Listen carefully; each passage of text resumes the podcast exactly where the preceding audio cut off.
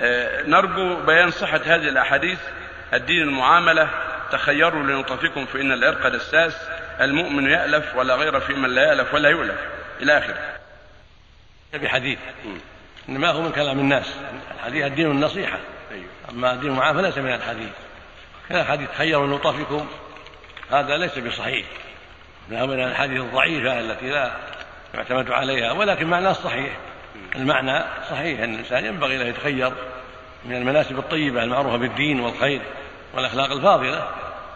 وأما المؤمن يؤلف ولا يؤلف ما أعرف صحته ولا أعرف حال سنده ولا أدري عن حاله. يراجع إن شاء الله ويكون في الجمعات الآتية يبين حاله إن شاء الله في الجمعات الآتية إن شاء الله.